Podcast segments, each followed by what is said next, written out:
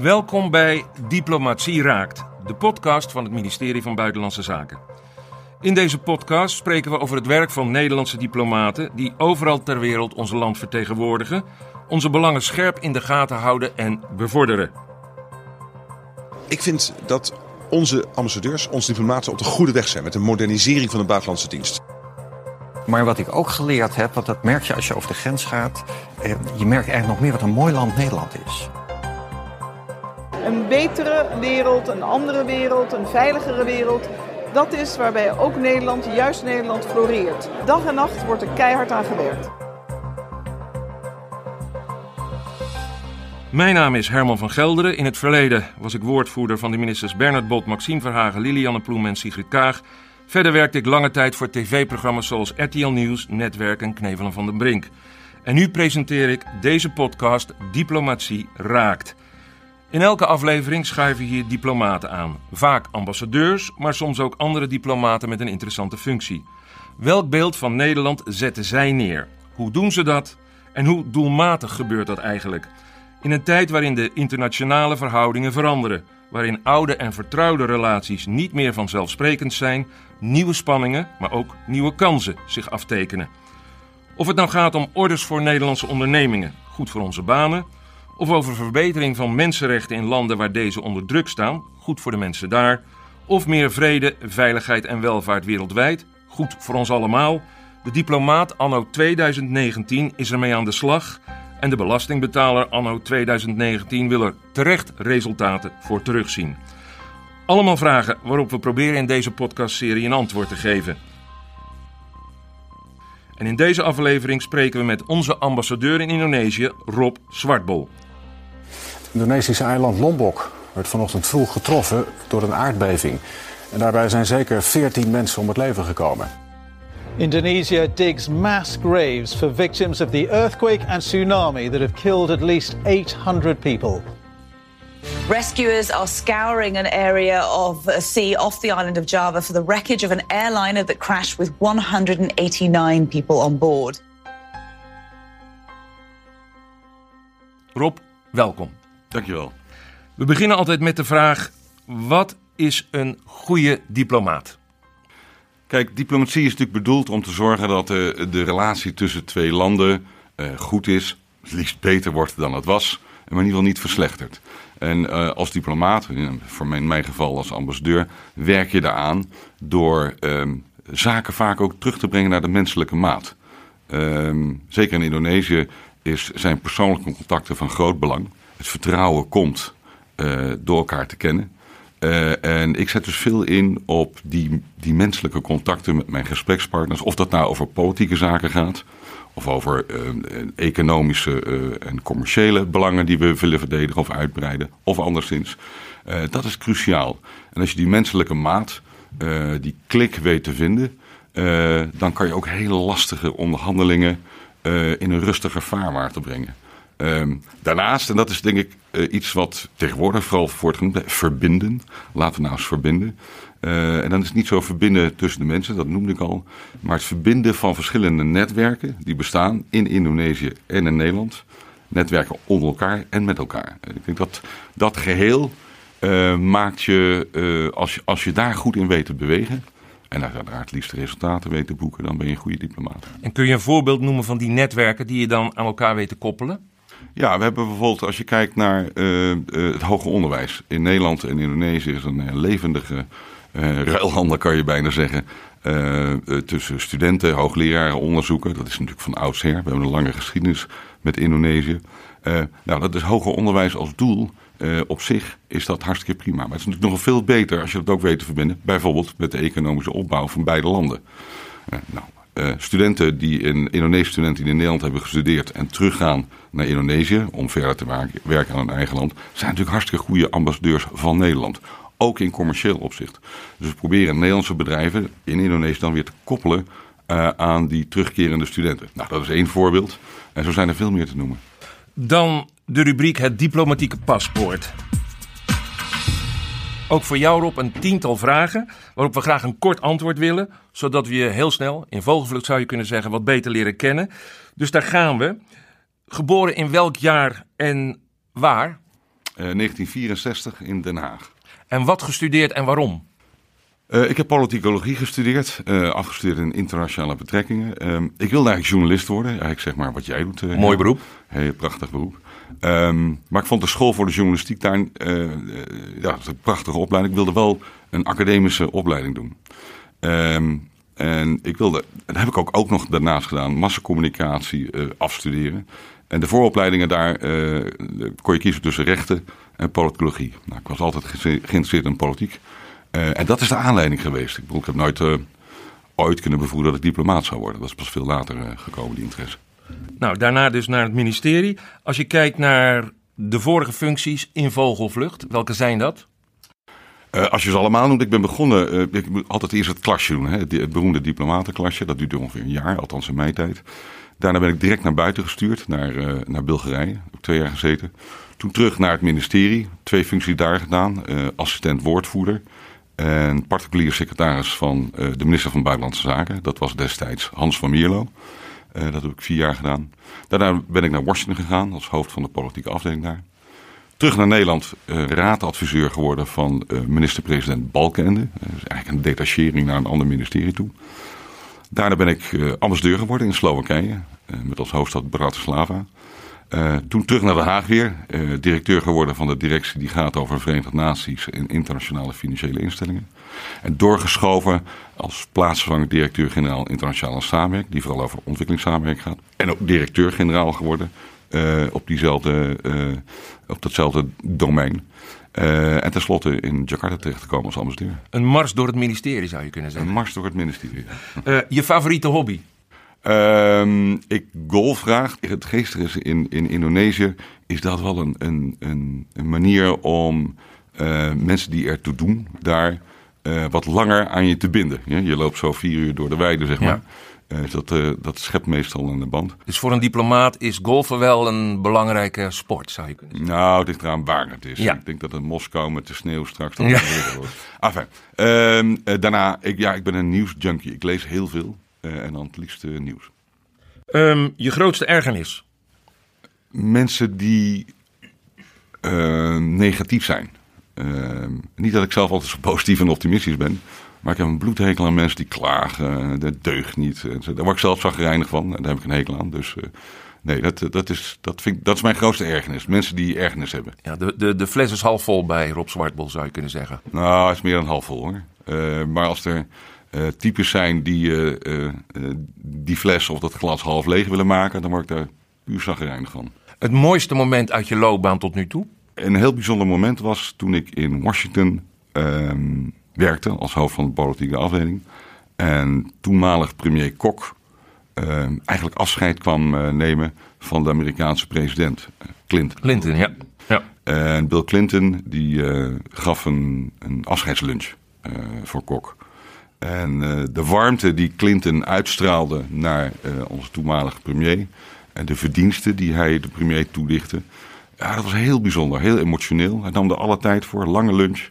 Uh, ja, dat was wel een bijzonder moment. Het was ook de tijd van de Third Way, hè? Ja, de Third Way. we hebben natuurlijk Blair, Clinton, Kok. Kok werd al gezien als eigenlijk de voorvader van die derde weg. of die derde weg nou uiteindelijk succesvol is geweest, dat laat ik aan aan de historici. Maar op dat moment gaf het veel dynamiek. Ja. ja. Um, het meest relevante moment het afgelopen jaar? Voor mij, voor ons in Jakarta, uh, met mijn team uh, was het ongetwijfeld, uh, en dat was niet één moment, maar de, de verschillende aardbevingen die we hebben meegemaakt. ik denk dat de luisteraars nog, nog wel herinneren dat in Lombok en die Gili-eilanden, waar overigens die bekend zijn ook bij toeristen, dat het daar flink de keer ging. En ook veel Nederlanders uh, toen uh, in de problemen kwamen. Gelukkig geen Nederlandse slachtoffers, maar wel veel Indonesische slachtoffers. Later werd het nog eens, dat ging in een tijdsbestek van drie, vier maanden. Werd het nog veel erger in, in, in midden-Sulawesi, Palu. Ehm, waar een combinatie van aardbeving, overstromingen en het wegzakken van grond in korte tijd heel veel slachtoffers vielen. En, en in december nog een uh, tsunami door de, de straat uh, van Sunda. Um, het interessante, Ik wil straks even doorgaan op dat- maar dat... die, die rampen, het rampje Ja. uit 2018. Ja. Maar het is goed dat je het aanstipt. Nog één ding over 2019, je goede voornemens. Wat staat bovenaan? Eh, persoonlijk, ik, ik moet, moet toch nog iets meer sporten. Eh, dus eh, hoe ik dat ga doen, weet ik ook nog niet. Maar dat zijn die van die voornemens. Je moet altijd voornemens eh, eh, kiezen die ook nog wel een beetje uitvoerbaar zijn. En deze is volgens mij wel haalbaar. Ja, ja. En sporten andere dan golf, neem ik dan Ja, aan. dan, ja, zeker. Die rampen waar je net al op duidde. Ehm, je, je zei al eh, Sulawesi, Lombok, Midden-Java, plus nog eens een vliegramp. Ja, In hoeverre hebben die rampen ook het werk van de ambassade geraakt? oh, absoluut. Kijk, wij kijken natuurlijk, en daar zijn we ook voor als, als Nederland, Nederlandse vertegenwoordiging eh, in het buitenland. eh, als eerste, als er zoiets gebeurt, zijn er Nederlanders bij betrokken. En dat is soms niet zo heel makkelijk te achterhalen. Eh, bij een vliegramp, nou, in dit geval was het toch gelukkig vrij snel duidelijk, eh, is niet, zijn die passagierslijsten niet altijd direct eh, te verifiëren. Eh, situaties bij aardbevingen zijn altijd rommelig, als ik het zo mag noemen. Het overzicht is even helemaal weg. Ja, je weet natuurlijk niet wie er in die, in zijn, eh, op, eh, ter plekke eh, was Ja. eh, of zou kunnen zijn. Ehm, dus dat is voor de ambassade eh, alle, alle hens aan boord. Eh, in het geval van Lombok hebben we ook twee mensen van mijn staf daar naartoe gestuurd. Om de Nederlanders die vastzaten op de eilanden met name te helpen. Ehm, en op Lombok zelf. eh, om daar te vertrekken. Eh, niet dat ze daar op dat moment in nood waren na die aardbeving. Maar mensen zijn natuurlijk geschrokken. Ja. Eh, sommigen licht getraumatiseerd, willen weg. Nou, dat zijn momenten waarop de ambassade daar is om logistieke hulp te verlenen, et cetera. Eh, overigens moet ik er wel bij zeggen eh, dat de aandacht ook natuurlijk uitgaat naar de Indonesische slachtoffers. Hè. Eh, Duizenden doden in totaal gevallen bij alle eh, natuurrampen afgelopen jaar in, eh, eh, in Indonesië. De aantallen zijn ongelooflijk. Ik heb nog eens even nagekeken. Er zijn meer dan 2400 natuurrampen hebben plaatsgevonden in Indonesië in 2018. En dat zijn natuurlijk aardbevingen, maar dat was maar 3% van het totaal. En gaat ook om eh, eh, modder, lawines en andere zaken. Is dat significant meer dan bijvoorbeeld vijf jaar geleden? Eh, het jaar ervoor was het geloof ik nog erger. Eh, maar je ziet wel een stijgende lijn. Eh, en daar, daar, god, je hoeft geen rocket science te zijn om, om te zien waar dat aan kan liggen. Het heeft te maken met de klimaatverandering. Ja. Het heeft te maken met de wijze waarop mensen, Indonesiërs, of waar ook ter wereld, omgaan met hun eigen leefomgeving. Hè, ontbossing, te veel huizen bouwen op verkeerde plekken. Ja, ja. Nou, daar hebben we in Nederland wat minder last van. Eh, als je misschien even Groningen eh, eh, weglaat. Ehm, maar er zijn veel plekken in Indonesië die op zich gevaarlijk zijn. En dan moet je wel de kennis hebben. Die kennis is overigens al aanwezig dat die plekken gevaarlijk zijn. Maar als je niet zoveel geld verdient en je kan iets meer verdienen in een vruchtbaar gebied, dan ga je daar met je gezin naartoe. Nog even terug naar, naar de ambassade en, en de rampen. Eh, je zegt al, eh, dan is het in eerste instantie zaak om te kijken of er Nederlanders zijn. En als die er zijn, om dan die Nederlanders zoveel mogelijk te ondersteunen. Hoeveel mensen hebben zich de afgelopen jaar van jouw ambassade daar eigenlijk continu mee bezig gehouden? Met andere woorden, welk beslag legt het op de capaciteit? We hebben een consulaire afdeling, die is op zich niet zo heel groot. Eh, die bestaat uit ongeveer zes mensen. Maar die zorgen ook voor eh, paspoortvernieuwing en dat soort zaken. Eh, maar helpen ook Nederlanders die eh, in problemen zijn gekomen. Dat is niet, natuurlijk niet alleen bij aardbevingen. Nee. Er zijn ook mensen die een paspoort verliezen. Of helaas eh, bestolen worden. Of Ja. nog erger te maken krijgen met een geweldsdelict. Gelukkig zijn dat er ook niet veel. Eh, dus dat is permanent. Maar bij de aardbevingen, dan schalen we op. Dan richten we een crisisteam in. En ja, dan hebben we daar nog eens een keer zes, zeven extra mensen voor die ermee bezig zijn. inclusief ikzelf. Ja, ja. Als we even eh, een ander aspect van het consulaire werk eh, belichten. Er gaan per jaar, heb ik me laten vertellen, zo'n 150.000 Nederlandse toeristen naar Indonesië. Dat is natuurlijk mooi, maar in hoeverre gaan die goed voorbereid op vakantie? Wat maak je mee van mensen die, ja, die toch denken, nou ik ga naar dat land en er verder weinig eh, van tevoren aan doen om zich goed op de hoogte te stellen? Nou, gelukkig gaan veel Nederlanders, althans het gaat om Indonesië, goed voorbereid op vakantie. Eh, dat heeft ook te maken dat veel mensen eh, via een reisbureau een pakketreis eh, boeken. En die krijgen dan al vaak informatie mee, inclusief natuurlijk van buitenlandse zaken. Bestemmingen, populaire bestemmingen zijn Bali bijvoorbeeld. Nou, daar, is het, daar zijn de gevaren niet groot. Eh, behalve dan als je een brommertje huurt en geen helm opzet. Dat, dat soort dingen maken we natuurlijk wel mee. Er zijn natuurlijk ook mensen die wat avontuurlijker zijn. en die gaan de oerwouden in. of willen graag de kraters op en, en de vulkanen. Het valt mij gelukkig mee hoeveel, hoe vaak dat misgaat.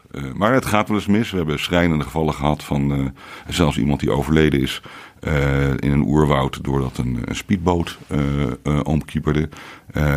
Een heel triest geval. daarbij is het slachtoffer ook nooit gevonden. ja, dat raakt ons ontzettend. Maar ik moet erbij zeggen, gelukkig valt dat, valt dat mee. Het, het zou erger kunnen als je naar de aantallen kijkt. Ja, dus de reisadviezen worden over het algemeen wel goed bekeken van tevoren, zou je kunnen zeggen. De reisadviezen van het ministerie en van andere instanties. Nou, ik heb er geen onderzoek naar gedaan. Nee. Uh, ik weet dat niet zeker. Ik zie ook wel eens uh, um, uh, onderzoeken, of resultaten van onderzoeken in het algemeen, niet alleen Indonesië, waar dat toch wel wat tegenvalt. Hè? Dus ik zou toch iedereen oproepen, ook als je naar Indonesië gaat uh, lees nou even dat reisadvies. Dat uh, doe je in één minuut. Kan heel makkelijk via de website. Want er zijn wel plekken in Indonesië waar je beter niet naartoe kan gaan. Uh, dat zijn bijvoorbeeld vulkanen die op uitbarsten staan. Of al aan het uitbarsten zijn. Dus ehm, ja, kijk, kijk, daar even naar. Ik, ik weet het, het, het, het, je zegt het makkelijker dan je doet. Maar mensen nemen vaak weken, zo niet maanden, om zich voor te bereiden. En, en te verheugen op een reis. Nou, die twee minuten om dat reisadvies te kijken, kan er ook wel bij. Je stipte het al aan eerder in het gesprek. De modderlawines, de aardbevingen, de wateroverlast. We hebben je ook gevraagd om een audiofragment, geluidsfragmenten te selecteren. Om daar iets meer over te vertellen. Laten we even gaan luisteren en kijken.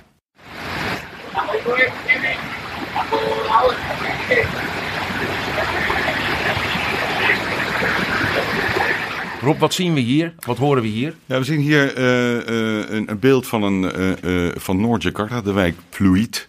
dat is een, een, wijk waar veel arme mensen wonen. Een, een, een, armoedige kampong. En die is pal aan de oceaan, aan de zee gebouwd. Um, en de wijk wordt alleen maar gescheiden van de oceaan door een, heel dun muurtje. Nou, het opvallende hier is dat die wijk, Noord-Jakarta, zakt, die zinkt. Uh, dat heeft te maken dat mensen, grote hotels en gebouwen, water onttrekken uit de bodem. Dat klinkt dan in. Dat kennen we trouwens in Nederland ook, hè? een bekend fenomeen. Maar daar uh, gebeurt het zo stevig dat dit deel van de stad, waar de opnames zijn gemaakt, met ongeveer 14 centimeter per jaar zakt. En hoeveel mensen wonen daar pakweg? Oh, daar wonen honderdduizenden mensen. Ehm, nou, die stad zinkt. Uh, de zee stijgt voor een deel. Hè. Dat heeft ook te maken met de klimaatverandering. Nou ja, je kan het verschil bekijken. Dus dat muurtje uh, wat de, de wijk scheidt uh, van, van de zee moet steeds hoger worden gebouwd. Uiteindelijk is dat natuurlijk niet meer houdbaar. Hier zien we wat er kan gebeuren als, de, als het tij hoog is. en, en de maan op een bepaalde stand is en de wind ook nog wat, wat aanbakkert.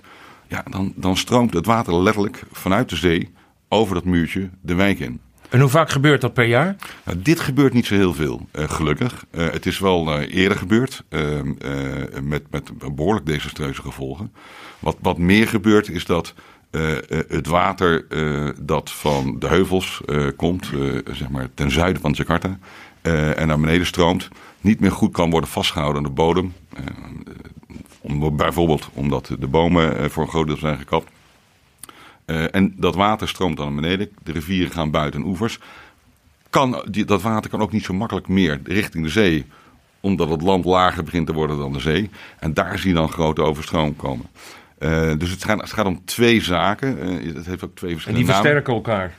Die versterken elkaar. Het water, overstromingen vanuit de rivieren noemen ze banjir. het water vanuit de zee noemen ze rob, mijn voornaam. Ehm, dat laatste uh, dat kan wel eens desastreuze gevolgen hebben als er niet maatregelen worden genomen. Want inmiddels ligt 40% van Jakarta onder de zeespiegel.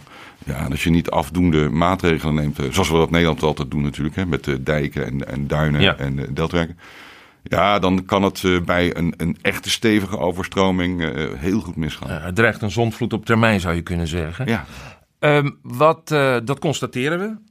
Maar wat kunnen wij als Nederland Waterland met alle expertise, kennis en kunde daaraan bijdragen? Ja, de Indonesiërs hebben gelukkig ook uh, uh, wetenschap van het feit dat wij daar goed in zijn. Uh, op dit moment zijn er verschillende ehm, kennisorganisaties werken samen met de Indonesische autoriteiten om te kijken wat kunnen we hier nou aan doen.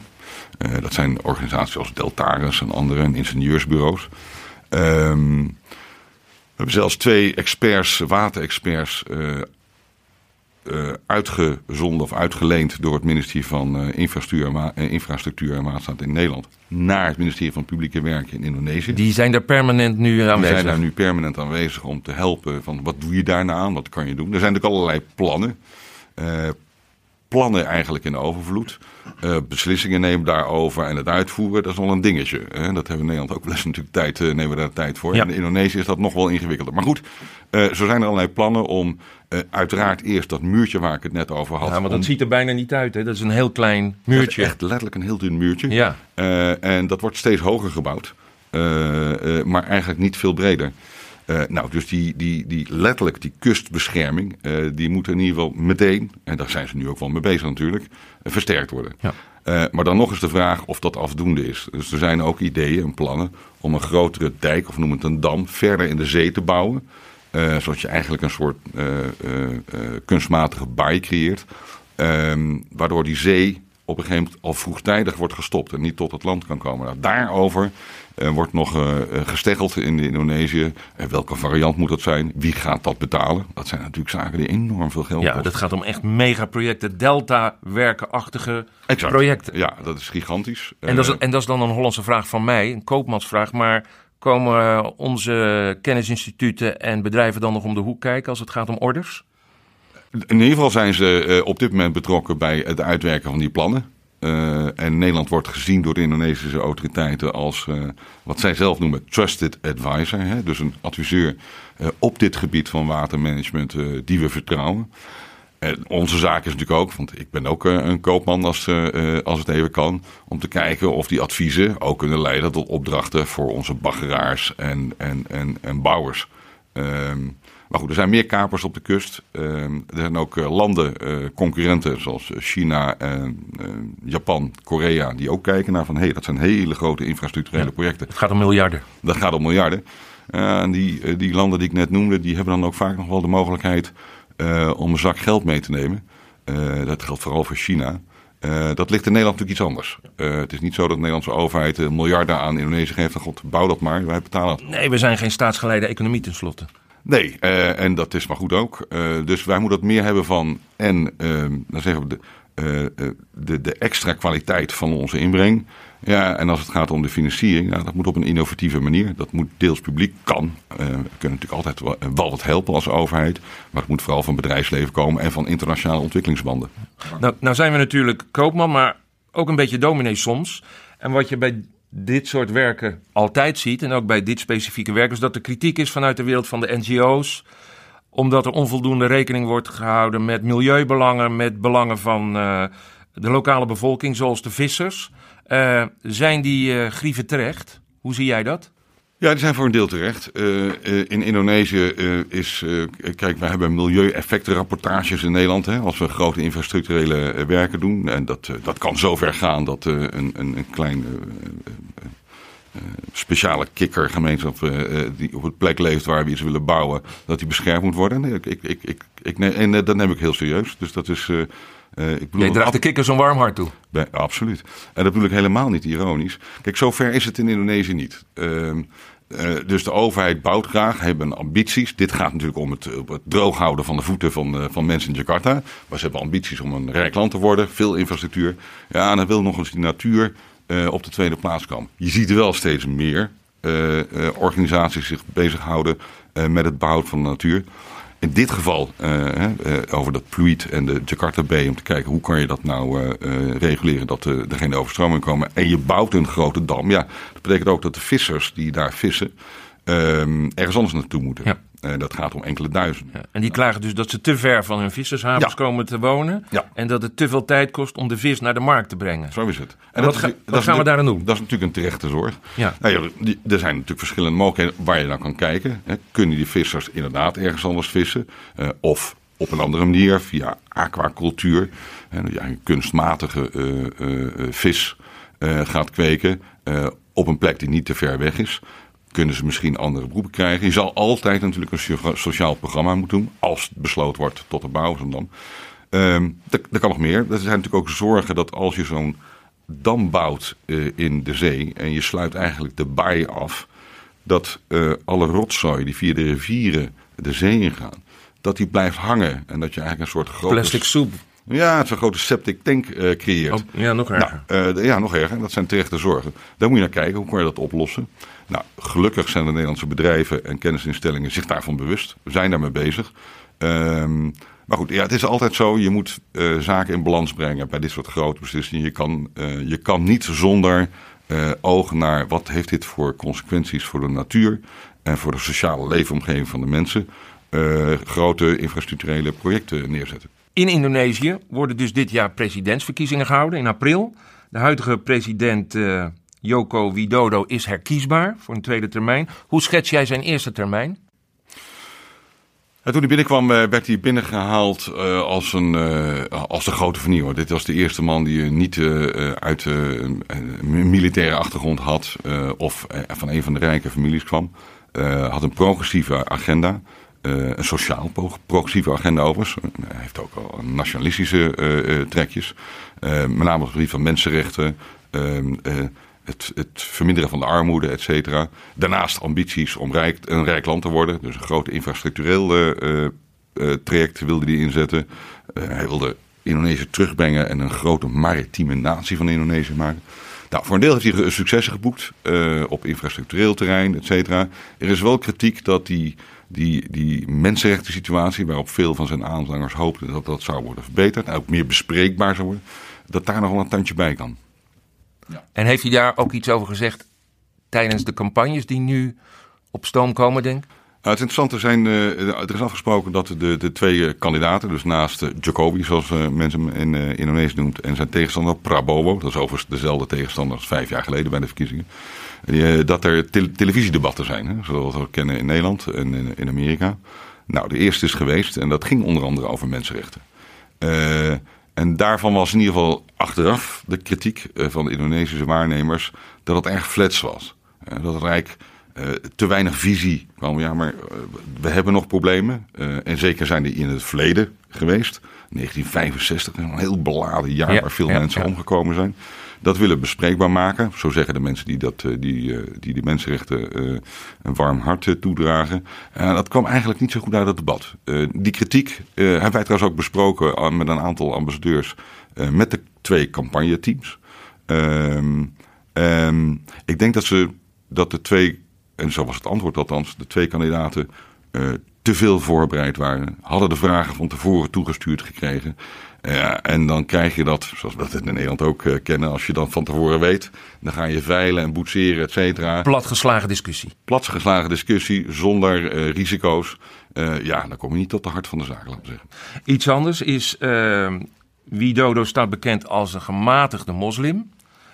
hoe staat hij tegenover radicale moslims die geweld goedkeuren en soms ook zelf plegen? Ja, dat is een groot zorgpunt. Uh, niet alleen voor uh, de president, uh, maar met veel mensen die ik spreek in Indonesië is de, de conservatievere islambeleving, die neemt snel toe. Ook radicalisering. Dat is niet hetzelfde overigens. dus die moeten we niet vermengen met elkaar, die discussie. een conservatieve moslim hoeft niet. Nee, orthodox is iets anders dan... Zo is het. Ja. Uh, maar uh, ja, men maakt zich daar zorgen over. En uh, dat is ook de reden waarom president Jokowi gekozen heeft voor een, een ulama, een, een, een moslimgeleerde en voormalig hoofd, in ieder geval spiritueel hoofd, van de grootste moslimbeweging in, in Indonesië, om die als zijn running mate te kiezen, hè, als toekomstig vicepresident. Hij is een conservatieve man met conservatieve denkbeelden. Uh, daar schrokken veel mensen van. Uh, zijn aandacht dat past niet in zijn beeld. Uh, hij doet dat, zo zeggen veel waarnemers, uh, om in ieder geval te zorgen dat hij ook de moslims, en ook conservatieve moslims, aan zich kan binden. En dan straks zeg maar zijn toch gematigde lijn door te kunnen trekken. Uh, als dat de bedoeling is, en, en, en dat zal zo lopen, is dat een goede keuze geweest. Maar uh, dat, daar zijn wel veel vraagtekens bij gekomen toen dat gebeurde. Hoe groot schat jij de kans op een herverkiezing van de huidige president? Nou, op dit moment is dat heel behoorlijk. Uh, hij staat voor in, in, in alle peilingen. maar goed, dat hebben we in het verleden ook gezien. vijf jaar geleden nogmaals ging het om dezelfde twee kandidaten. en op het laatst liep de andere kandidaat, Probowo, toch, toch wat snel in. Van belang zal zijn wie krijgt de stem van de millennials. Indonesië heeft een hele jonge bevolking met veel nieuwe kiezers. Ehm, ja, als, het interessante is dat de, de, tegenstander van Jacobi, Probowo, uh, en zijn team ehm, heel goed gebruik maken van social media. Uh, en beweging die zegt het wordt tijd voor een andere president. Die beweging is niet automatisch voor die, die tegenstander van Probowo. Time for a change. Time for a change. En als dat aanslaat en, en die social media hype uh, zich nog verder uitbreidt, ja, dat is niet automatisch in het voordeel van de huidige president. Het is zo dat jij tegen het einde van je termijn in Indonesië aanloopt. Je gaat naar. Moskou. Dus van de tropische hitte naar de barre kou. Ja, klimatologisch is dat een, een enorme stap die we gaan maken. Ja. hey, maar het is een. Allereerst gefeliciteerd, maar het is een behoorlijke overgang. Ja, dat is een behoorlijke overgang. Uh, dat maakt dit vak ook zo leuk als diplomaat. Ehm, dat je. Ja, de tegenstelling kan bijna eigenlijk niet groter zijn. Uh, kijk, in Indonesië ben ik veel bezig geweest met economische vraagstukken, cultuur. We hebben een, een, een Erasmushuis, een cultuurcentrum, enig in de wereld. Uh, fantastisch werk doet. Lastige politieke dossiers die vooral in de bilaterale verhouding liggen. Nu in, ehm, in Moskou zal het vooral ja, het middelpunt worden van de, van de geopolitiek. Ja, de grote geopolitiek. De grote geopolitiek. Maar ook weer lastige dossiers tussen Rusland en Nederland. En natuurlijk de vreselijke ramp met eh, de MH17. Eh, we hebben een aantal spionagezaken lopen. Uh, enfin, genoeg om, om de tanden niet op stuk te bijten, maar om de tanden erin te zetten. en te kijken hoe we in die hele lastige situatie toch de dialoog gaande kunnen houden. Zodat we resultaten hopelijk op deze lastige dossiers, maar ook elders kunnen, kunnen bereiken. Ik heb nog één vraag voordat, voordat je weer het vliegtuig naar Jakarta neemt. Als jij nog even door de supermarkt snelt voordat je vertrekt, wat koop je dan meteen om mee te nemen naar je collega's en je familie in Jakarta? Drop, sowieso drop. dat kan je daar niet kopen. En god, blijven Nederland. De Indonesiërs vinden dat trouwens helemaal niet lekker. Die vinden dat vreselijk. mijn eigen secretaresse, die Indonesisch is, die is gek op smeerkaas. Dus ik moet in ieder geval naar de supermarkt om een aantal kuipjes smeerkaas kaas en, en, en, en, en dat, dat vinden ze heerlijk in Indonesië. Oké, ehm, wij verheugen ons er ook op. Maar ehm, vooral veel succes gewenst in, ehm, in Moskou en die laatste maanden in, in Jakarta natuurlijk. Dus dankjewel voor dit gesprek, Rob. Dankjewel, dankjewel Herman. Tot zover deze aflevering van Diplomatie Raakt. Wilt u ook onze andere podcasts in deze serie beluisteren? Zoek dan naar Diplomatie Raakt in uw favoriete podcast-app of ga naar nederlandwereldwijd.nl. Daar vindt u ook meer informatie over deze serie gesprekken en kunt u reageren. Bedankt voor het luisteren. Graag tot een volgende keer bij Diplomatie Raakt.